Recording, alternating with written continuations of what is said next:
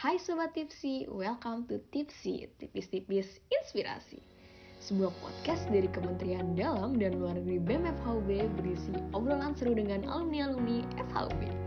Yang pastinya nih bisa menginspirasi kalian-kalian semua. Selamat mendengarkan and enjoy the ride. Di episode kali ini ada aku Intan, Dan aku Andra, selamat mendengarkan. Halo Kak Goldi, selamat datang. Gimana nih Kak kabar kakak hari ini? Halo, puji Tuhan sih baik ya. Setelah berbulan-bulan aku kerja keluar rumah and else, hari ini aku decided to work from home because ya COVID lagi naik banget aja gitu. Iya sih Kak, bener banget.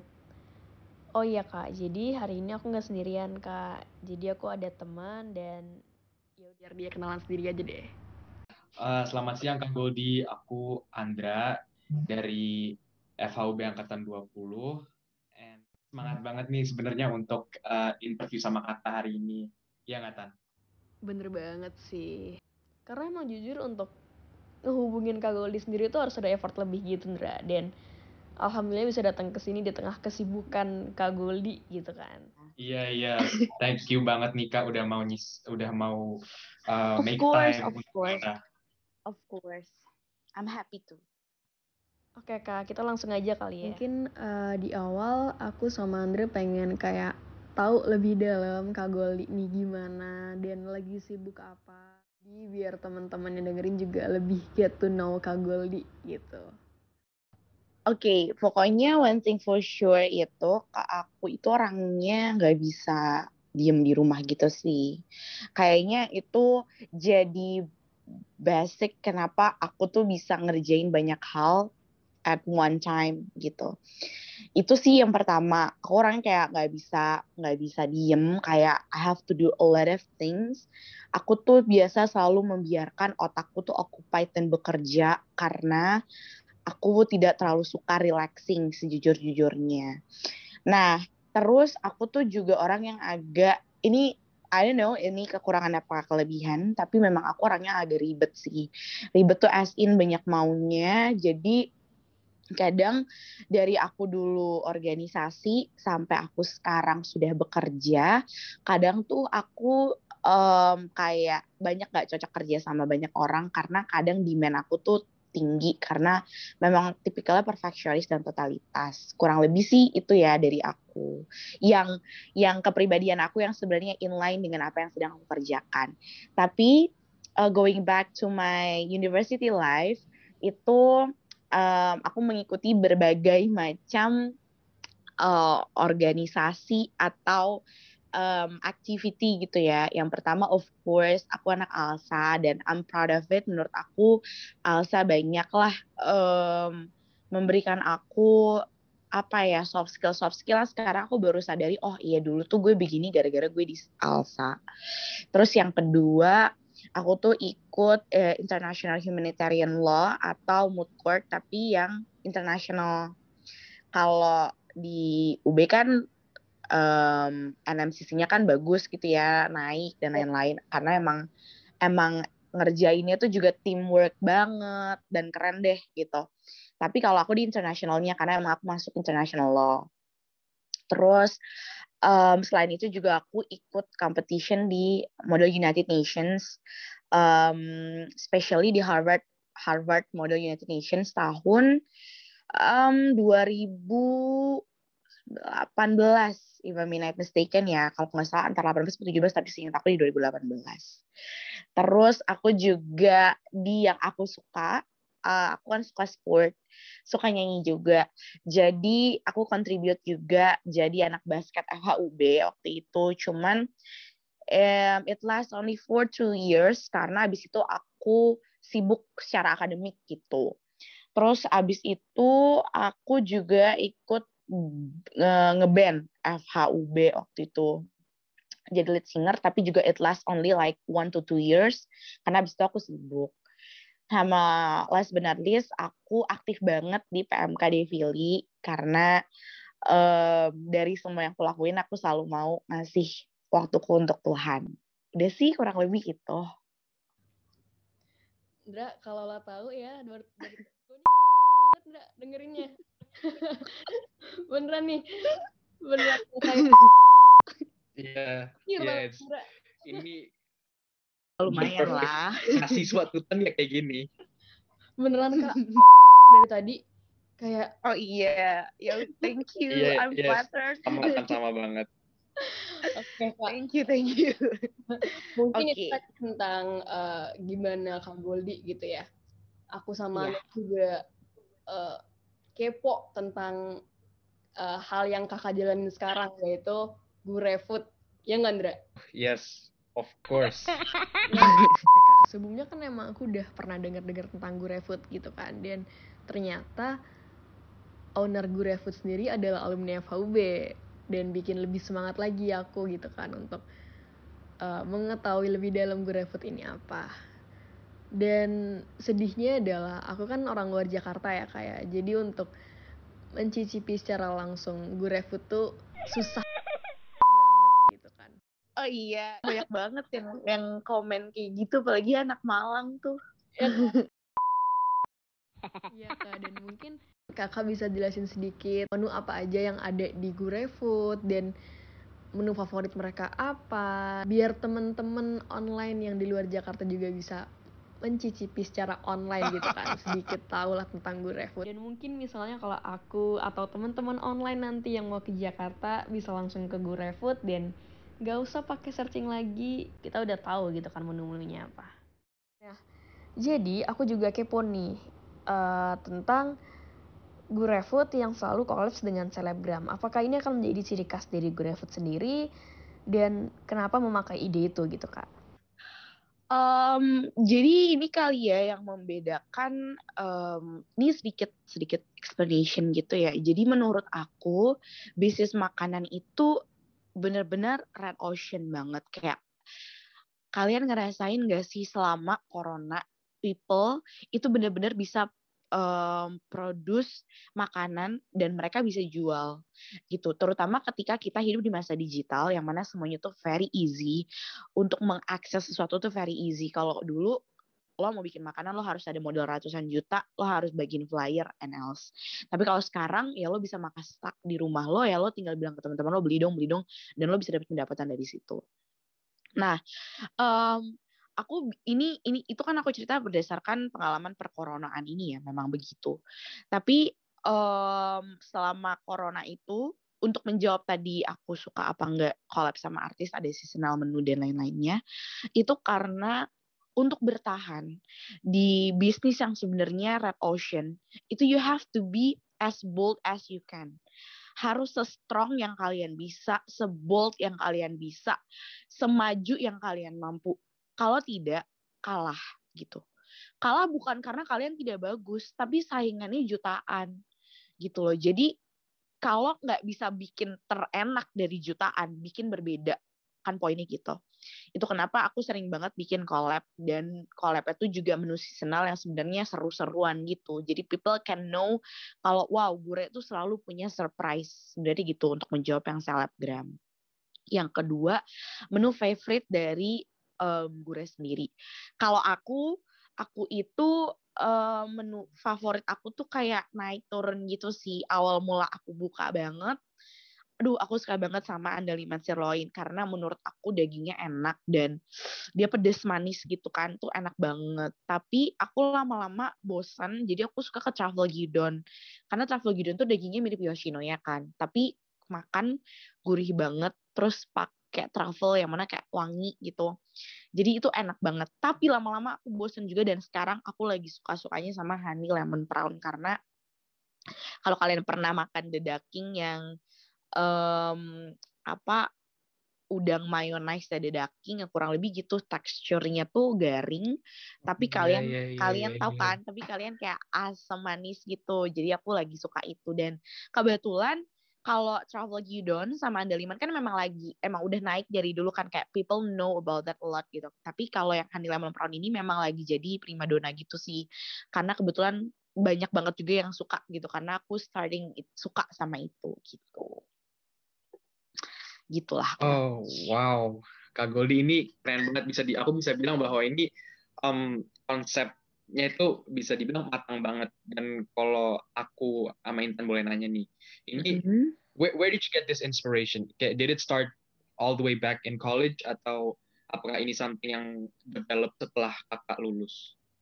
Uh, ini ini aku rencanain when I was in college. Waktu aku lagi skripsian when I was doing my thesis sebenarnya. Jadi kan kalau di UB itu kan ketika mau skripsi kan lo harus pilih kan KKN atau KL ya kan ini ini my yeah, honest yeah. my honest reason ya my honest reason jadi aku kan aku pilih KKL karena ya buat aku itu lebih berguna aja sih untuk aku dibanding KKN gitu. Iya, yeah, iya. Yeah. I see. Jadi aku KKL lah kan, aku magang. Magang di salah satu law firm terkenal yang bosnya tuh baik banget juga dan um, dan waktu aku magang tuh aku kebuka gitu loh pikirannya kalau oh begini toh kerja gitu. Kerja di bawah seseorang um, di bawah naungan seseorang diperintah untuk melakukan sesuatu oh gini toh caranya. Karena memang aku aku kan belum pernah bener-bener kayak kerja ya namanya juga anak sekolah kuliah gitu ya. Jadi detik itu tuh aku baru tahu gitu. Nah basically salary-nya tuh sebenarnya besar menurut aku for intern. Big banget lah dan itu bersih karena aku makanan waktu di law firm itu makanan aku pun di uh, dibayarin gitu bisa di reimburse gitu.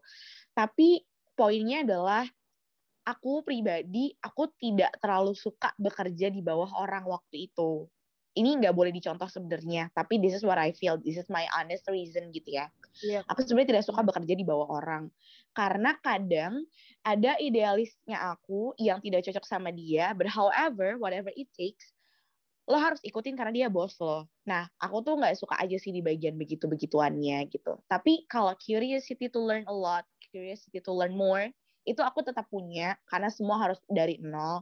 Tapi cuman kalau ada ketidakcocokan atau ke apa ya sering bete dan lain-lain aku tuh nggak suka kurang lebih gitu.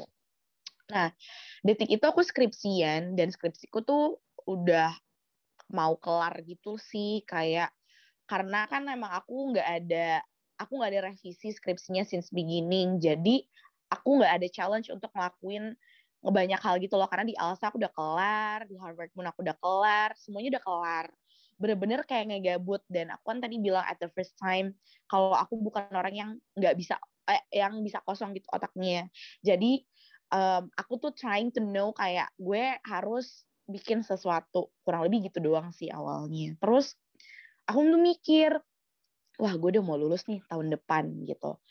Um, kayaknya gue udah nggak bisa minta duit lagi nih sama orang tua.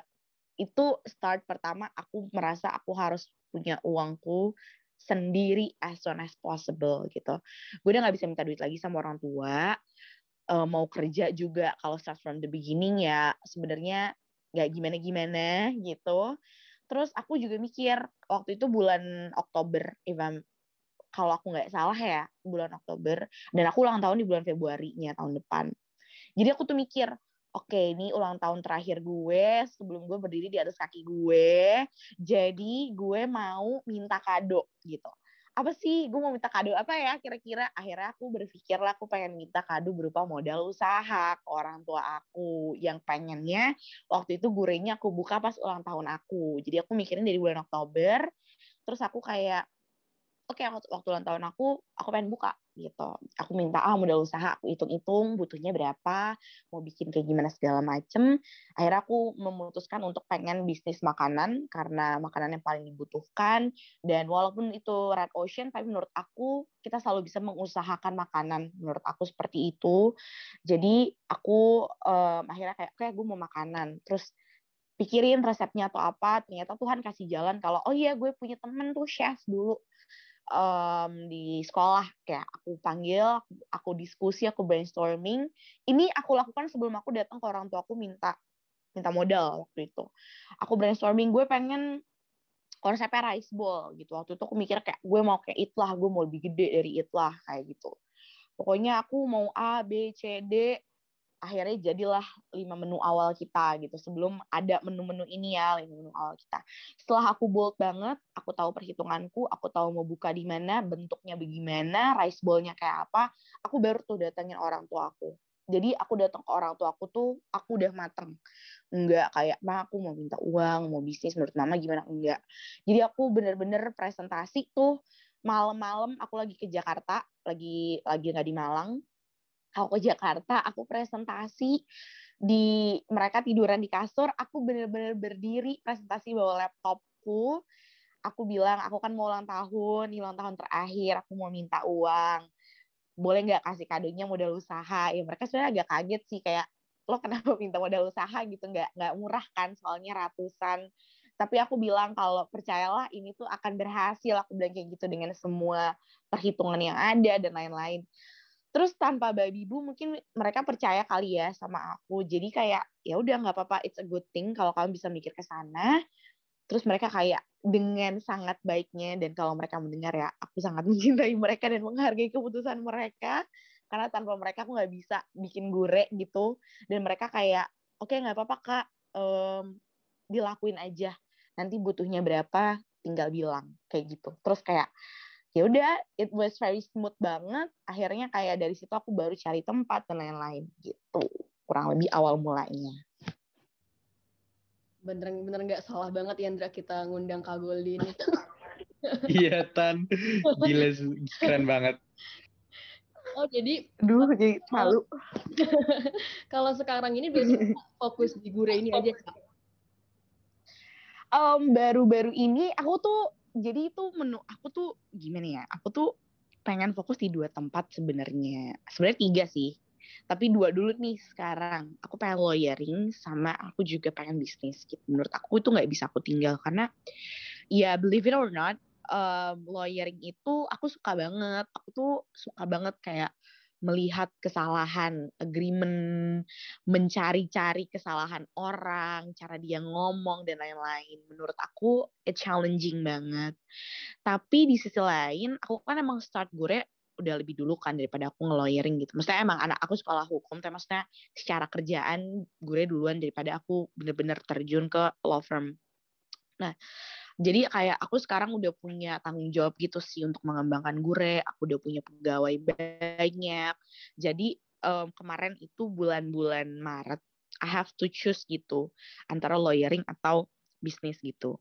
Aku kemarin udah kerja di salah satu law firm SSMP namanya um, such a great law firm dengan berbagai macam integrity mereka kasusnya keren-keren dan aku banyak banget belajar di sana. But again um, finally life is choices ya tetap aja hidup itu pilihan. Jadi aku kemarin kayak dengan berat hati oke okay, I have to focus di bisnis gue dulu karena ternyata membesar banget dan aku harus apa ya pay my attention ke sini. Karena kalau dibagi dua whatever it takes ya akunya sendiri pusing dan bakal banyak jatuh sakit gitu. Jadi baru dari sekitar Maret April aku baru fokus ke gure 100% gitu.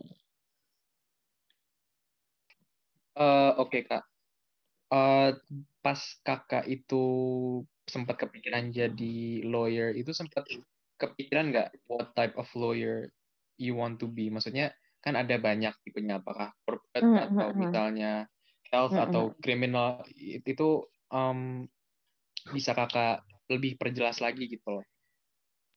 Oke.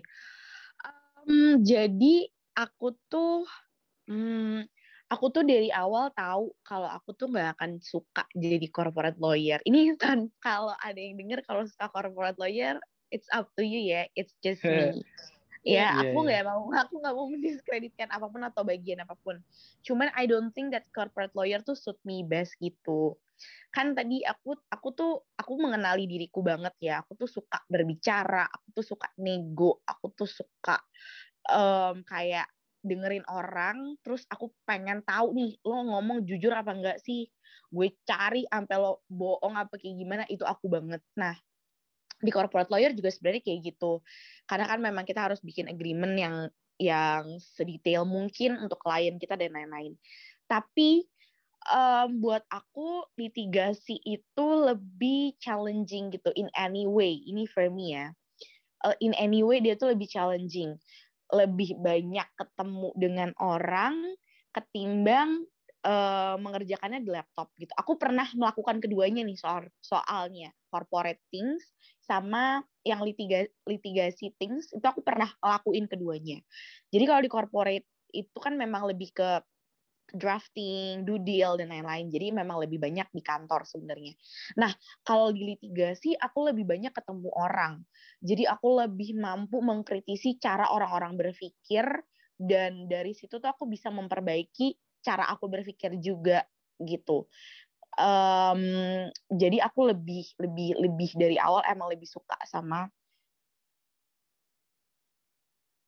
aku lebih suka sama um, litigasi karena memang ya itu aku banget aja kurang lebih gitu sih kan litigasi itu kan pasti you need to go from one place to another the courtroom dan segala macam mm -hmm. itu kan mm-hmm. pasti mm -hmm. it was not easy apalagi di ada yeah, Bu Refu juga di di sampingnya mm -hmm. itu kayak I know kakak uh, orangnya nggak bisa santai dan harus always busy so gimana caranya kakak bagi waktu dan dua-duanya tuh terlakukan dengan maksimal gitu loh? Um, jadi awalnya tuh idealis gitu kan, kayak aku tuh memang aku tuh memang membagi waktuku untuk keluarga karena memang orang tua aku tuh family family person banget. Kalau ditinggal dikit tuh jujur aja mama papeku tuh kayak nggak mampu. Jadi aku pasti harus kasih waktu untuk keluarga. Terus um, temen karena aku suka ngegaul jujur aja. Aku nggak bisa kayak di rumah doang karena aku kayak ya pengen party juga gitu. Terus yang ketiga yeah, of course, of course. ada ada kerjaan gitu ya. Jadi aku nggak bagi itu. Nah, Senin aku tuh sebelum keluar dari SSMP tuh Senin sampai um, Senin sampai Jumat itu kan aku kerja gitu ya. Ketika tidak ada sidang yang aku harus pay attention full, misalnya aku drafting di kantor atau aku translating atau aku lagi bikin jawaban atau POE dan lain-lain, itu aku biasanya kalau ada kalau ada komplain atau apa pegawai butuh aku atau tim aku butuh aku aku pasti langsung jawab sih. Jadi misalnya aku lagi translate nih halaman pertama ter ter ter ter ter ter tiba-tiba ada um, Bu Goldi begini bla bla bla itu biasa aku balas dulu gitu. Jadi aku aku sisipin aku sisipin aku sisipin ke situ. Nah terus um, kalau aku lagi occupied banget kalau aku lagi occupied banget, aku tahu nih, misalnya aku hari ini ada pendampingan ke pengadilan negeri mana gitu. Jadi aku pastikan harus ngobrol sama klien, aku susah pegang handphone dan lain-lain. Itu biasanya aku kasih tahu Hamin satu ke pegawai. Saya nggak mau nerima adanya kesalahan atau ke tim aku ya. Gue nggak mau nerima adanya kesalahan hari ini. Gue mau sidang dan lain-lain. Please um, take care dan nggak usah hubungin gue dulu. Aku lebih ke kayak gitu. Nah, biasanya aku kerja itu di law firm sampai jam 8 sampai jam 10. Sampai jam 8 sampai jam 10. Nah, abis aku kerja di law firm, aku pulang, oh aku tidak pernah membawa kerjaan law firm ke rumah, kecuali aku WFH waktu itu, tahun laluan. Tapi aku tidak pernah membawa kerjaan. Kalau aku harus harus harus hmm, apa namanya lembur, aku akan lembur sampai selesai di kantor, nggak akan aku bawa ke rumah karena aku nggak suka mencampuri pekerjaan kantor dengan rumah I don't think it's actually healthy for me gitu. Jadi bisa kelar nih jam 10 udah kelar segala macem itu baru tuh malam aku pulang aku mandi of course aku ngaso nggak mungkin enggak sampai misalnya jam 11 jam setengah 12 itu baru aku cek semua penjualan dari semua branch penjualan bener nggak Traveloka, Shopee Food, bla bla bla itu bener nggak dapat segitu, udah ditransfer atau belum, terus aku bikin keuangan aku, terus aku evaluasi kejadian hari itu kayak gimana, baru aku chat pegawai aku dan itu biasanya aku kerjain bisa sampai jam 4 pagi.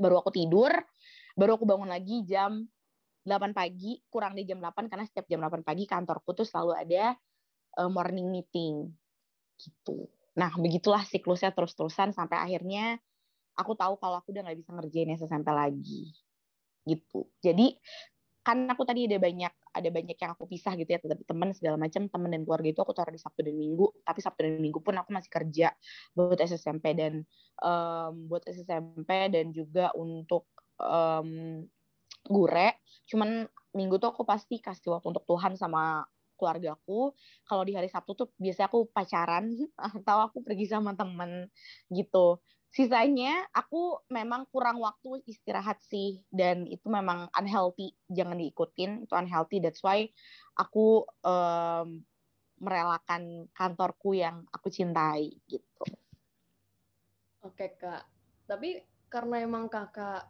susah banget untuk diem ya nggak memang mau bergerak terus itu lebih menjadi refreshing gak sih kak untuk kak Goldi sendiri Iya, refreshing. Tapi kadang tuh banyak masalah gitu loh, Intan. Kayak Iya memang bergerak terus sih, tapi kan misalnya kalau ada handle komplain atau kayak gimana, atau misalnya bosku um, bete kalau aku telat ngasih deadline atau apa, karena kan it happen gitu ya. Iya. Namanya juga kerja, banyak banyak kesalahan terjadi.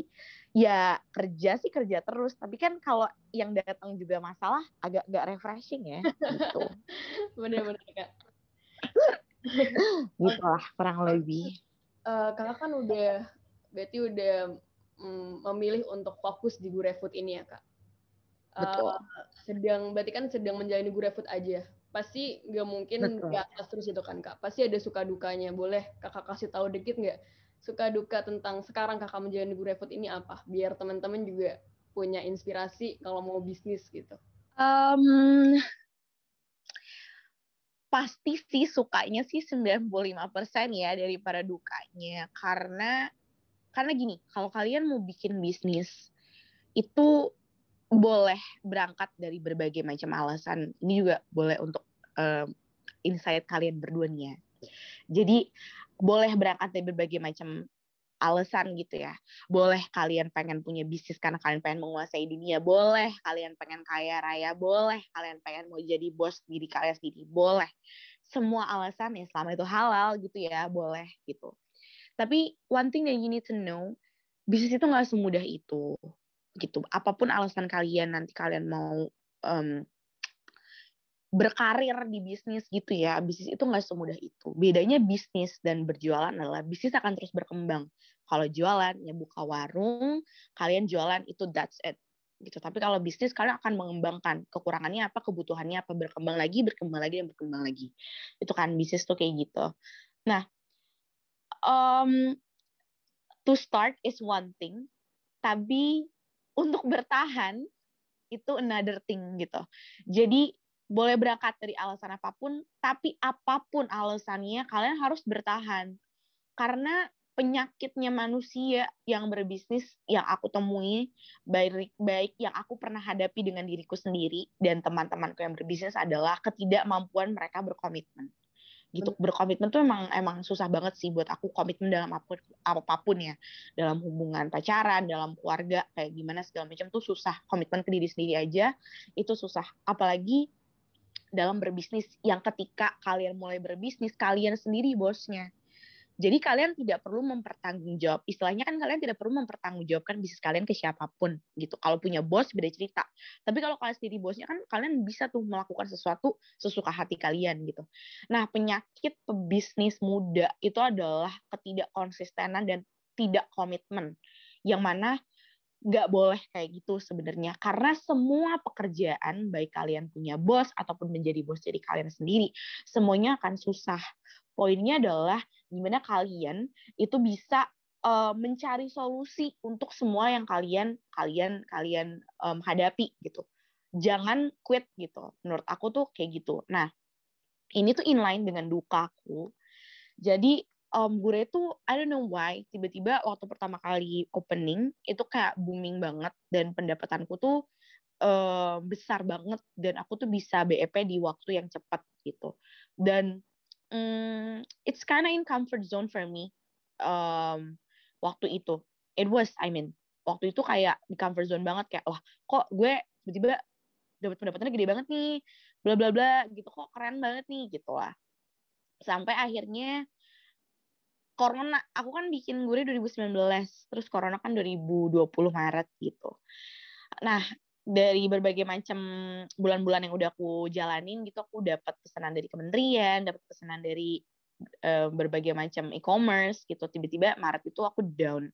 Dan itu kalau aku boleh sharing aku bisa tuh berhari-hari nggak nggak dapat uang sama sekali.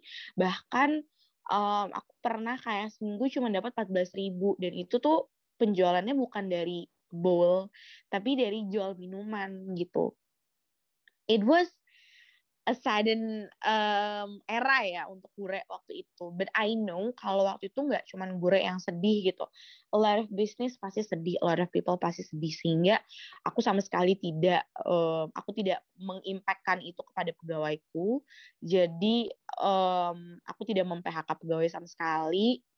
Um, tapi aku berdiskusi dengan mereka gimana cara kita bisa naikin penjualan dan mem meminta mereka membantu aku untuk ayo bantu saya cari project apa pun yang bisa jualan makanan, ayo kita ambil karena ya kan kita memang harus bertahan ya mode bertahan gitu udah nggak bisa lagi mode mencari untung harus hanya mode bertahan. Nah detik itu it was easier for me to quit gitu. Detik bulan Maret dan bulan April, Mei yang zaman-zaman puasa itu kan gue ancur banget tuh pendapatannya sampai Mei. Detik itu it's easier it was easier for me untuk aku quit karena gue cuma punya gue cuma satu waktu itu. Um, terus pun kalau keluar or kalaupun kalau kalau aku nggak bertahan orang kan memaklumi ya kayak ya udah lagi corona semua orang uh, banyak kok yang quit banyak kok yang tutup gitu. Jadi beban rasa malunya tuh ceritanya nggak ada gitu. Terus yang ketiga aku merasa aku tidak perlu bertanggung jawab terhadap hidup pegawai-pegawaiku gitu. Kayak ya udah ini kita tutup aja dibanding aku harus kerja keras cari project itu pun tidak bisa menutup um, operasional gitu. Itu hanya menutup uh, gaji pegawaiku gitu. It was very easier very very much easier for me to quit gitu. Tapi I know detik itu I know dengan um, tuntunan Tuhan juga mungkin dan berbicara kepada orang tuaku I know kalau hmm, it's good Gure di masa-masa baru berdirinya bisa mengalami ini dibanding misalnya udah besar, you name it lah perusahaan besar yang udah punya ratusan pegawai segala macem, udah ada utang misalnya dan lain-lain, tapi harus mengalami hal ini. Yang mana mungkin mereka baru pertama kali ngalami dan kita nggak pernah tahu kan cash flow mereka seperti apa. Itu yang pertama aku pikirin. It's good, gue masih kecil tapi udah dapet um, apa ya beban yang sama dengan banyak brand lainnya. Yang kedua, um, aku masih bisa kok bertahan gitu. Susah sih memang, tapi masih bisa kok. Terus why quit lebih ke arah kayak gitu sih. Menurut aku kayak ya udah gue udah kemarin dikasih duit gitu sama bokap gue buat bikin segala macam ya masa gara-gara ini gue quit gitu dan I have a lot of hopes gitu kayak waktu Maret kan kita mikir kayak udah nih Agustus sudah kelar nih corona gitu. Terus November nih udah kelar nih corona gitu. Sampai akhirnya sekarang kan kita emang trying to deal with it kan. Jadi aku punya hopes waktu itu. That's why kayak udah ayo kita kerjain aja. Aku cari tuh berbagai macam project yang padahal nggak beli gure cuman beli catering gitu. Aku sampai kayak jualan nasi gulai dan lain-lain demi supaya dapat duit tuh waktu itu. Karena udah nggak bisa idealis lagi kan Ya, pokoknya gitulah ya ceritanya kalau aku tuh pakai mode bertahan lah selama corona itu. Nah, um, tadi aku udah sempat mention juga kan kalau di pas masa-masa susah itu lebih mudah untuk aku um, quit gitu ya. It's it's much easier for me to quit. Tapi aku memilih untuk tetap bertahan karena karena agak kampung aja ya, ada kesusahan dikit, keluar, kesusahan dikit, keluar. Because I believe di mana pun kita berada, pasti kesusahan itu tetap ada aja ya. Poinnya mau dilaluin apa enggak. Sesimpel itu sih sebenarnya. Jadi dukanya ya itu ya dari corona ini yang kemarin awal-awal. Tapi duka dari personal, aku merasa aku sering kayak keluar nggak ya, sudahi nggak ya, keluar nggak ya, sudahi nggak ya, udah. Tapi sukanya um, lebih banyak sukanya sih 95 98% menurut aku suka semua gitu. Sukanya adalah I get to know a lot of good people with good heart, with good brain, with a good intention in life gitu, yaitu my team sekarang. Terus aku makin mengerti kalau Tuhan tuh punya banyak rencana untuk aku gitu. Karena setelah aku bisa melalui corona dan lain-lain aku mulai untuk collaboration dengan berbagai macam selebgram, influencer, artis. Terus gue bahkan growing a lot better daripada gue awal. Yang aku bilang kan awal gue aku gak nyangka ternyata pendapatannya besar gitu. Tapi justru pas corona aku udah ngelakuin itu semua terus aku bikin collab and other itu growing a lot banget sih dari people awareness, dari revenue dan lain-lain gitu. Sampai akhirnya I have my second branch outlet kedua aku di Alam Sutra itu di bulan November lagi corona aku bisa buka branch kedua aku terus akhirnya aku establish my own company itu di bulan Januari dengan jajaran direkturku, komisarisku, dan lain-lain. Sampai akhirnya aku punya outlet ketiga dan growing keempat dan kelima. Jadi semuanya tuh suka karena I get to know the process. Menurut aku tuh valuable banget sih. Kayak prosesnya tuh kerasa banget di hidup aku. Aku tahu mana orang yang harus kupercayai, mana orang yang tidak harus kupercayai. Aku tahu mendidik pegawaiku supaya jadi orang yang valuable juga kayak gimana. Menurut aku itu semua suka gitu untuk aku gitu. Oke kak.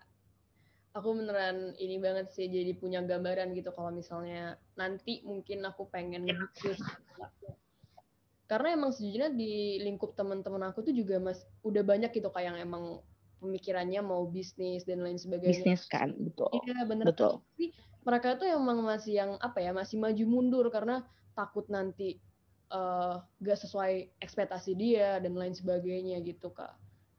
Betul, itu pasti banget sih menurut aku bisnis tuh pasti susah banget menurut yang pun bisnis tuh susah banget. Kalau kalian kayak mikirnya bisnis tuh gampang, ya udah pebisnis, bisnis tuh gampang. Enggak itu jauh dari kata gampang sih karena ya dealing dengan diri sendiri kapan sih pernah pernah mudah gitu.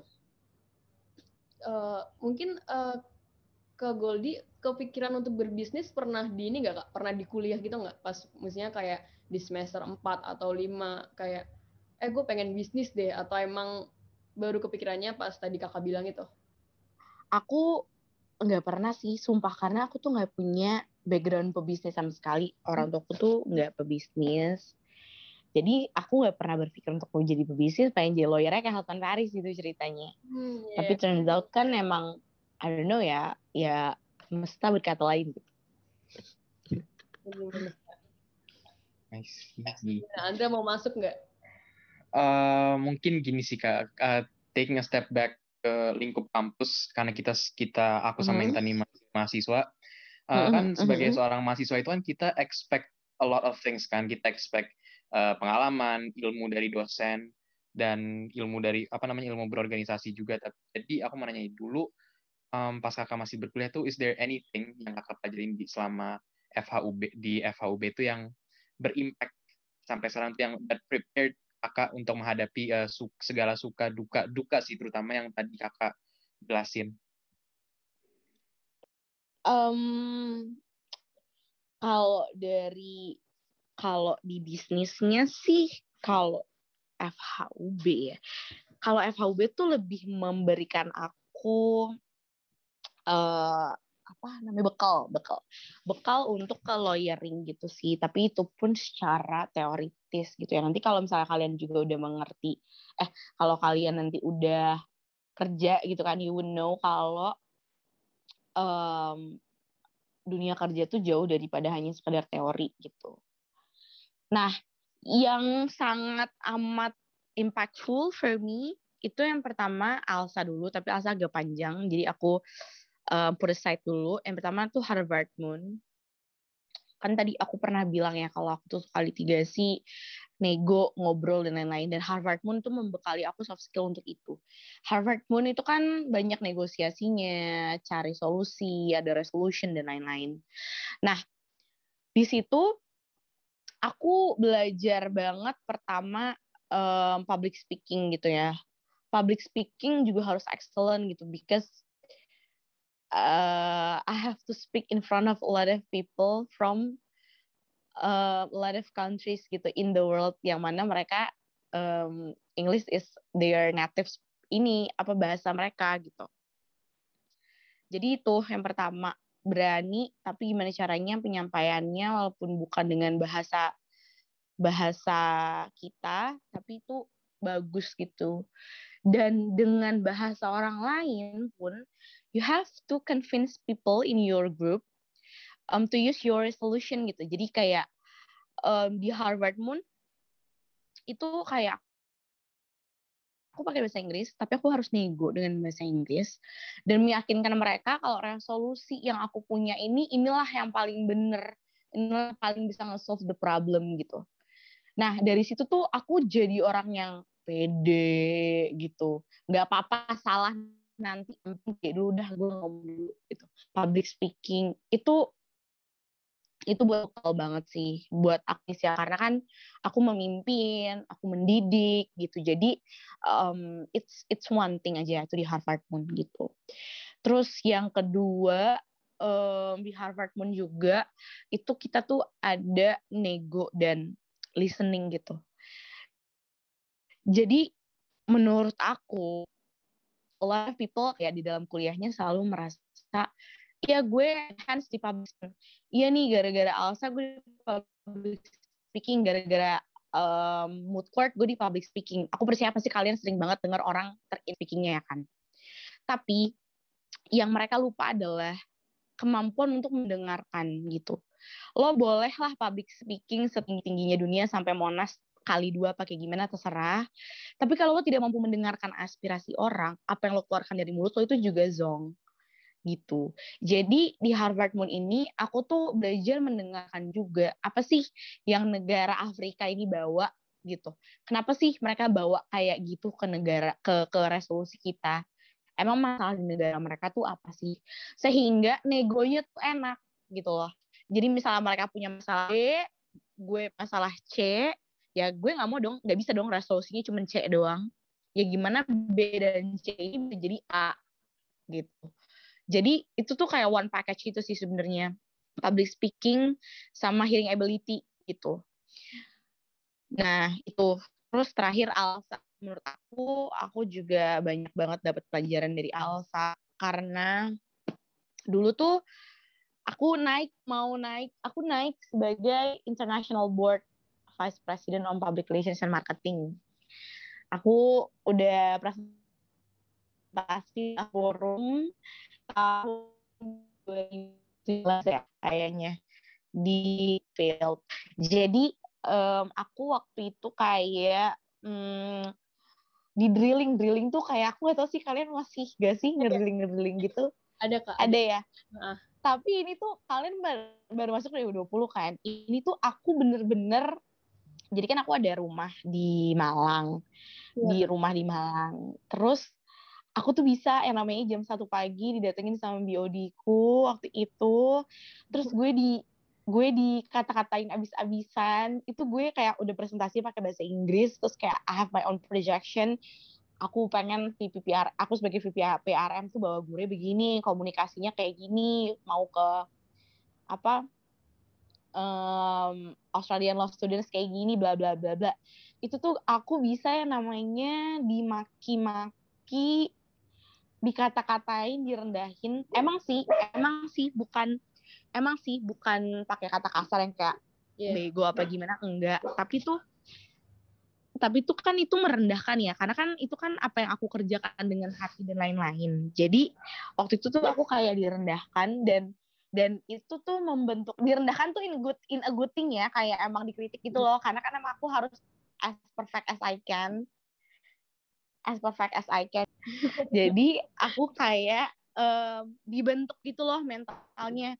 Jujur aja aku tuh sebenarnya orang yang nggak nggak mental tinggi banget sih sebenarnya gitu. Kayak biasa aja gitu. Karena aku juga sebenarnya lahir dan besar cukup dimanja gitu. Tapi di Alsa tuh gue bener-bener dibentuk cuy mental gue. Kayak lo nggak ada step back lo nggak yeah. boleh kayak quit lo tuh dijadi projection Alsa UB dan everyone UI, UGM semua tahu lo mau naik jadi IB terus lo harus melalui berbagai macam hal dan kayak gue tuh nggak punya waktu untuk pulang dari apa yang gue apa yang gue kerjakan gitu lo gue nggak punya kalau di gue gue bisa quit waktu gue jadi projectionnya Elsa gue nggak bisa quit sama sekali. Dan dan the only option yang yang bisa gue lakuin adalah maju gitu.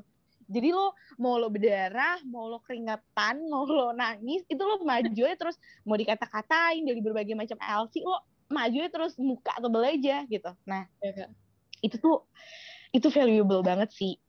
Aku percaya aku nggak akan pernah dapetin itu kalau aku nggak nggak alsak ini ini aku kerasa banget ya karena itu itu buat aku ya aku umur berapa tuh? 19 18 aku nggak ngerti. Itu aku dimarah-marahin setiap saat tapi di saat dimarah-marahin mereka ada harapan buat kita lo tetap harus naik. Terus kayak setiap aku pergi ke sekre itu kayak semua orang sampai adik kelasku kayak gimana kak persiapannya? Aduh kita akhirnya punya IB nih gimana kak? Itu kan beban ya cuy kayak iya. anjir nih orang pada kayak begini banget nih sama gue wah itu du dulu waktu aku mau naik tuh se, se LC LC-nya itu bener-bener kayak uh, nge apa ya nge nge nge support banget banget sampai pada pergi ke Singapura cuy semuanya Romli Romli itu sampai ke iya. Singapura yeah. kan mahal ya Romli sampai ke Singapura gitu terus kayak ya itu aku tahu kalau um, ada hopes gitu, ada mental yang harus dijaga dan lain-lain itu pertama sih yang Alsa ajarin ke aku. Yang kedua, aku tuh orangnya dreamy abis kan. Dreamy tuh as in aku merasa segala sesuatu tuh possible di dunia ini gitu. Jadi jadi waktu aku naik beralsa, aku tuh banyak narok um, apa namanya program program-program yang sebenarnya dreamy abis kayak Alsa pengen kerja sama sama World Bank, pengen kerja sama sama CCC, CNN News International NL gitu kan. Itu kan sebenarnya dreamy abis. Aku emang dreamy banget karena aku tuh punya punya punya apa ya? Aku tuh punya pemikiran kalau everything is very possible gitu loh. Tinggal lo mau execute atau enggak itu aku banget. Jadi di Alsa pun aku begitu.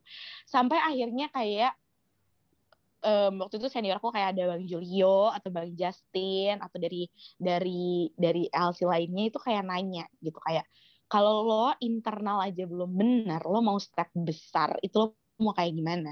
Jadi mending lo benerin dulu deh internalnya internasional. Gimana caranya nih? PR lo bagus, marketing lo bagus di internal dulu dah kayak gitu. Jadi aku aku tahu dream big itu oke, okay, everything is still possible, aku tahu tapi memang kita harus melewati step-step kecil yang sebenarnya itu actually meaningful dan itu aku dapetin di Alsa gitu. Pun kalau aku pengen kerja sama dengan World Bank, aku pengen kerja sama dengan CNN News, aku harus bikin sebuah sistematika atau metode how to get there gitu ya kan kita bisa punya tujuan misalnya kamu bisa punya tujuan nih kayak ke Amerika atau kayak gimana tapi kan ke Amerika kan gak bisa tiba-tiba lo pindah tempat ke Amerika gitu kan. Ya. Tapi lo bisa milih nih, lo mau naik pesawat, apa lo mau naik kereta, ada nggak? Mau naik um, ke kapal, ada nggak? Kalau nggak ada, berarti kan di only way cuma naik pesawat. In order untuk naik pesawat kan ada yang harus lo persiapin tuh, paspor, visa, uang gitu loh. Dan ya. untuk bikin uang pun lo harus kerja. Dan itu kan step kecil ya. Nah, aku tuh diajarin kayak gitu di Alsa sistematikanya gitu aku nggak tahu sih orang ngedapetin yang aku dapetin di Alsa ini apa enggak. Ini aku dapetin karena aku emang projection waktu itu. Hmm. nah jadi aku diajari nih satu dua tiga timeline itu ada. Lo kerja sistemik lo kerja dengan metode biar lo dapet apa yang lo mau. Sehingga dua pelajaran itu metode sistemik sama hmm, apa sih tadi satu lagi mental itu tuh bener-bener useful dan jadi bekal paling berharga aku sih dalam menjalankan bisnis gitu sehingga aku memimpin perusahaanku ini walaupun kecil itu semuanya sistemik. Kayak oke okay, kita lima um, tahun lagi pengen kayak gimana? Berarti di empat tahun udah harus begini di tiga tahun udah harus kayak gini di dua tahun udah harus kayak gini.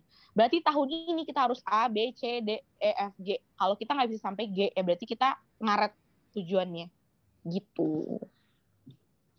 Ngomong-ngomongin tentang Alsa nih kak. Emang beda ya kak? Karena aku juga ngerasain abang kakak itu lebih kerasanya karena emang offline ya kak. Nah aku sama Anda ini kan online, yeah. Kak. jadi apa pun tuh masih harusnya yang masuk jadi kurang masuk. Jadi kan karena emang project uh, betul program kerja itu pada zoom semua gitu kak. Jadi emang kelihatan banget sih kak kerasa iya, kak, kalau offline gitu kan. Kayak gitu sih kak. Mungkin iya, ini betul. bisa jadi inspirasi buat Intan mas naik jadi IB kan. LB enggak aja kalian mau jadi IB. Aku ini Kita cocok sih IB. masih ini sih Kak pengen jadi mentor dulu di semester 3 4 nanti. Manager Siap. coordinator. Keren, keren, keren. Kakak sempet Manager coordinator ya? bener Kak. Aku di ini Kak di domestik di Oh, dulu nggak aku nggak. Hmm, I see, I see. Dulu aku em, koordinator English training. Wow.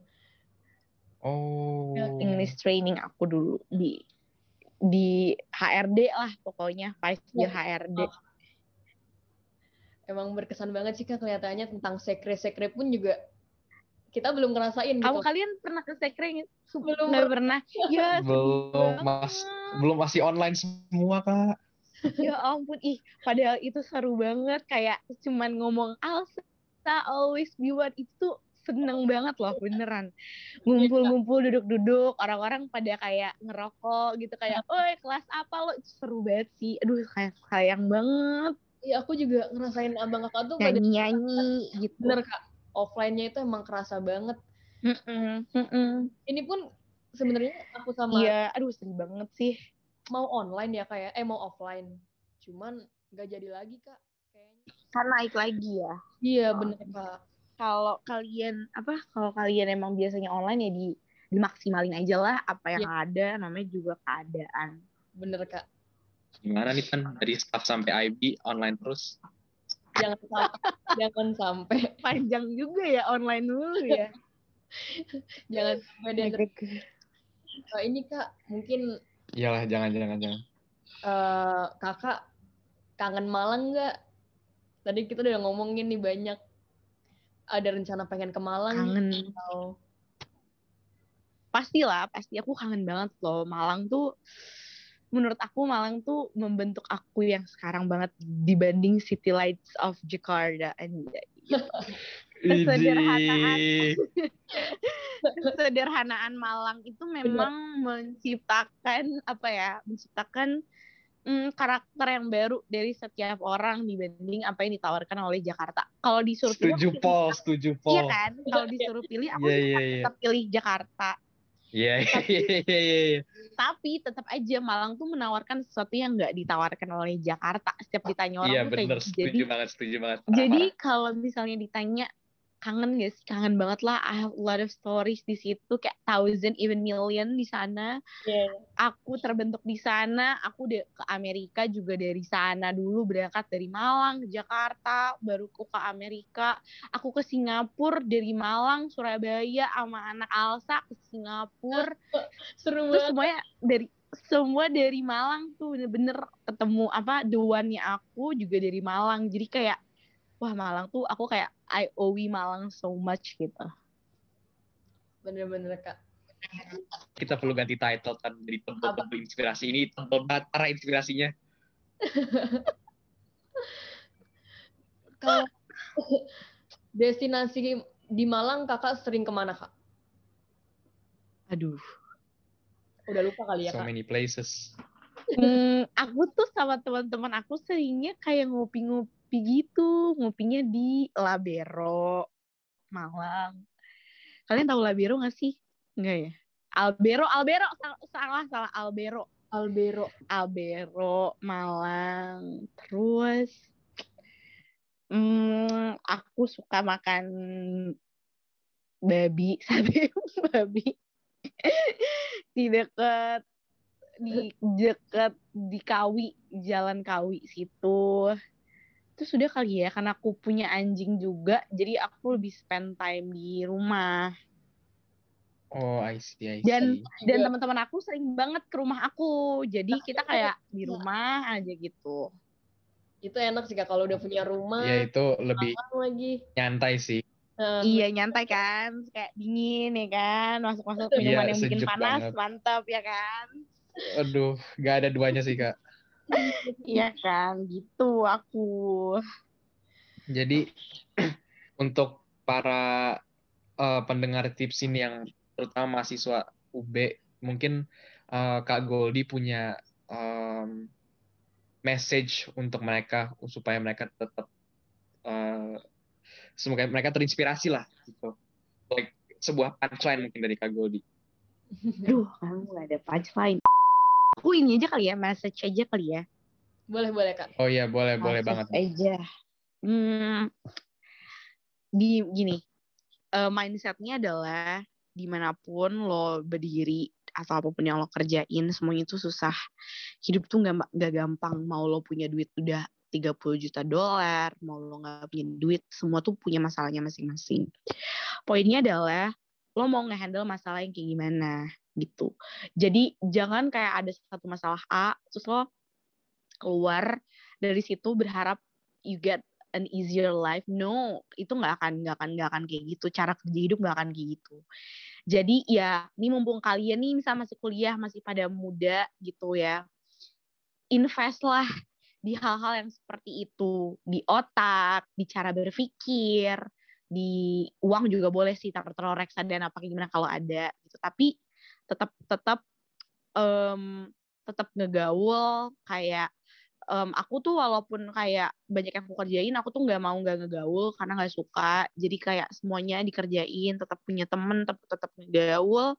Karena menurut aku semua hal itu jalannya beriringan. Kita nggak bisa milih temen kerjaan keluarga pacar gitu ya hubungan. Itu mereka berjalan beriringan buat aku jadi ya kalau kalian bisa dengan baik bagi-bagi itu terus em, memaksimalkan apa yang ada ya you nail the world aja gitu. Jadi ya semua kesusahan dikerjain ditekunin dihajar gitu. Itu aja kali ya.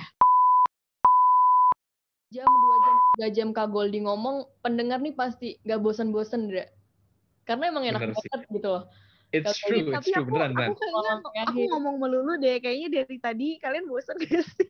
Kak enggak enjoy banget. Heeh. kayak kita kita malah se-invested itu dengan semua oh cerita iya Kak ya Goldi ampun seneng. Seneng banget terima kasih ya kalau udah kalian mampu mendengarkan dengan baik. Oke mungkin iya kak. ini udah lama banget kita ngobrol-ngobrolnya. Iya Eh, segitu dulu kak dari kita semoga apa yang udah kakak kasih tahu ke kita dan pendengar-pendengar yang nanti yang nantinya dengar ini juga menginspirasi mereka gitu dan semoga juga kita bisa ketemu di kesempatan selanjutnya gitu kak Betul, betul. Terima kasih ya sudah mau mengundang aku, sudah mau mendengarkan celotehanku. Aku harap setelah aku ngomong kalian kayak get something gitu yang bisa bikin Banget. hidup kalian lebih valuable gitu ya. iya kak thank you so much saya lagi udah Thank hadir you di so sini much guys. Iya. Semangat ya kuliahnya ya. iya kak ya makasih Kak juga Oke. oh ya kak Apa? terakhir semoga Mm-mm. eh, harapan aku yang terbesar adalah Gurefood ada di Malang ya kak kalau bisa nih oh gila bener banget bener banget bener banget bener banget Doain aja emang udah banyak banget yang minta tuh di Malang sama Surabaya. Doain aja aku bisa segera di luar Jakarta ya. siap aku doain Oke. iya oke Oke, oke. Banyak Kak Goldi. Thank you for listening, but don't worry. Tipsy bakal balik lagi dan akan kembali hadir di episode-episode berikutnya dengan bintang tamu yang gak bakal mengecewakan dan gak kalah asik lagi. So, see you soon guys. Salam Tipsy.